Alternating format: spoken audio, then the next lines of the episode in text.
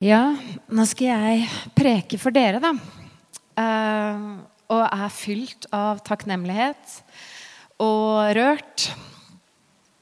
Og føler meg veldig heldig. Jeg tror jeg har sagt det flere ganger til Kjetil og Gudmund og Helene og andre at eh, jeg er veldig stolt over at jeg får jobbe her. Og så eh, hører vi teksten, og så er det siste ordene som, det er jobben min. Jeg er predikant. Og jeg må ta tak i denne teksten. Og siste ordene er 'ikke skikket for Guds rike'. Og de er litt stikkende. Um, og det er Lukas som skriver. Det er han vi leser fra. Og det er evangelisten som er kjent for å vektlegge Jesu ømhet for menneskene. For alle måltidene han spiste med de som var ekskludert og utafor i samfunnet. For historiene som han fortalte fra Jesus sin egen munn om en bortkomne sønn som kommer tilbake til en far som har stått og venta, om gjetere som leter etter sau Det tegnes et bilde av Gud med alltid åpne armer av Lukas. Gud som alltid velsigner. Og så kan man jo si ja, men er det ikke behov da, for å sette grenser eller stille krav innimellom? At det sies at 'dette er ugreit'. Mange vil jo si at det trengs. Og jeg og jeg tror mange av oss kanskje må erkjenne at det er i hvert fall lettest når det ikke treffer min egen blindsone. Eller enda verre når det er urettmessig eller skjer på en lovisk måte eller på en måte som man rett og slett ikke kan bære eller forstå. Jeg, har gitt løfte om å være formanende, men det er komplekst og krevende å skulle ta en formanende rolle.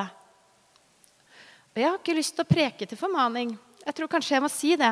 Jeg, har ikke lyst til å bruke disse ordene om offervilje og ta opp korset sitt.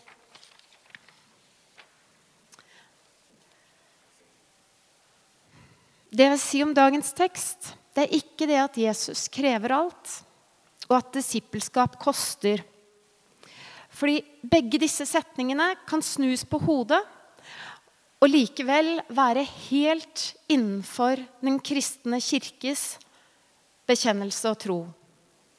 Jesus gir alt. Og disippelskap og tro, det er gratis. Begge deler er sant. Og det jeg virkelig har lyst til, det er å finne språket og ordene for å snakke om Gud sammen med dere.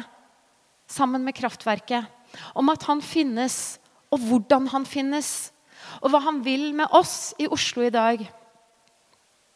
Og så har jeg tenkt mye på at det er et stort problem for Bibelen å kommunisere med oss. Og at det er et stort problem for meg som forkynner og for alle forkynnere å tale både klart og favne en mangfoldig menneskegruppe samtidig. Men så er det i kirka sin tro en slags løsning, tror jeg, i dette strevet. Og det er Den hellige ånd sitt arbeid. Som gir oss innsikt, så vi kan se i større og større grad når utfordring er på sin plass. Og jeg tror det er det Jesus lærer oss noe om i dag. Hvordan dette arbeidet kan foregå i disse tre korte samtalene. Tre slags spesialtilpassa budskap som bærer så sterk preg av at Jesus han har dømmekraft. Vi hører bare et par replikker men det er jo reelle møter. Blikk som møtes. Kanskje ble sagt flere ord. Det vet vi ikke.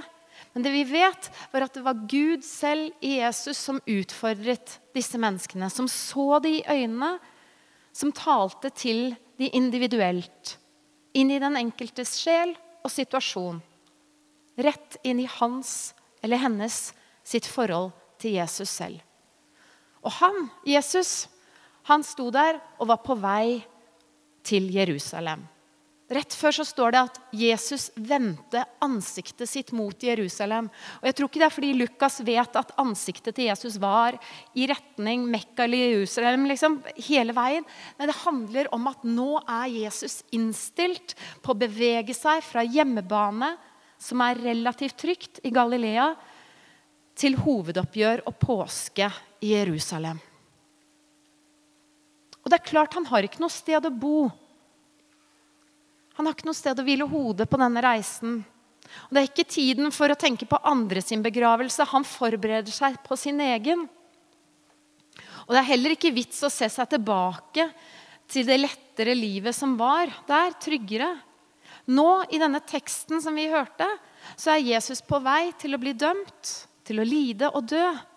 Og spørsmålet jeg tror de egentlig blir stilt, er orker du å bli med meg på dette. Har du utholdenhet til en sånn vandring?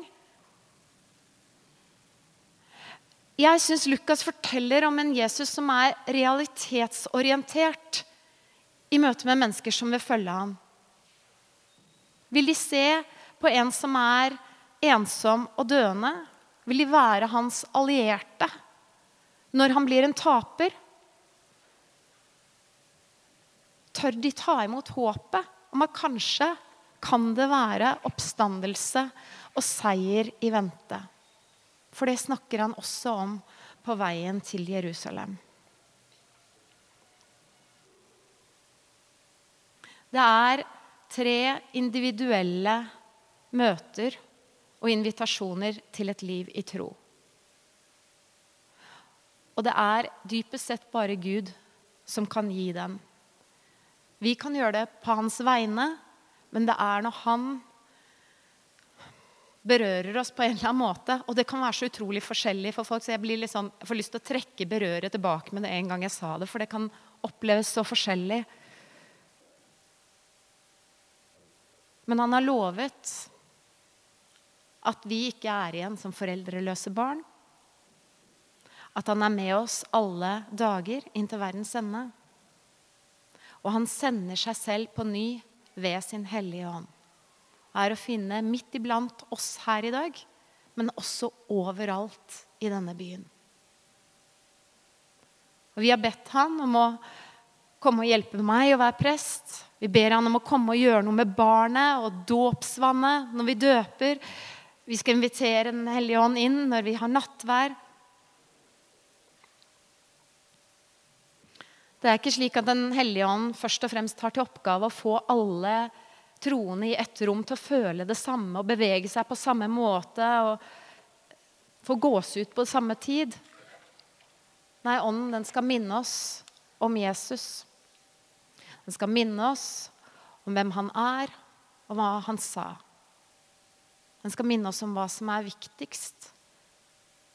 Og den kan hjelpe oss og få sterkere dømmekraft. Slik at vi ser når tiden er inne for at vi skal utfordres. Når vi skal formanes. Denne ånden kan tale rett inn i vår situasjon, i vår tid. Den kan hjelpe en splittet kirke å finne sammen. Den kan evne å holde sammen det vi ikke makter. Og kanskje er det nettopp i den største avmakt at Den hellige ånd kan komme og hjelpe oss. Som et stille sus, en mild bris som kan gjøre noe vi ikke kan forutse. Det er mitt håp for oss og veien vi skal gå sammen. Vi går også mot et Jerusalem. Og vi har et Galilea en trygg hjemmebane. Og hver for oss og sammen så vil vi møte utfordringer. Men vi går ikke alene. Jesus går sammen med oss ved sin ånd, og vi har hverandre. Og jeg er utrolig takknemlig for at jeg har dere. Amen.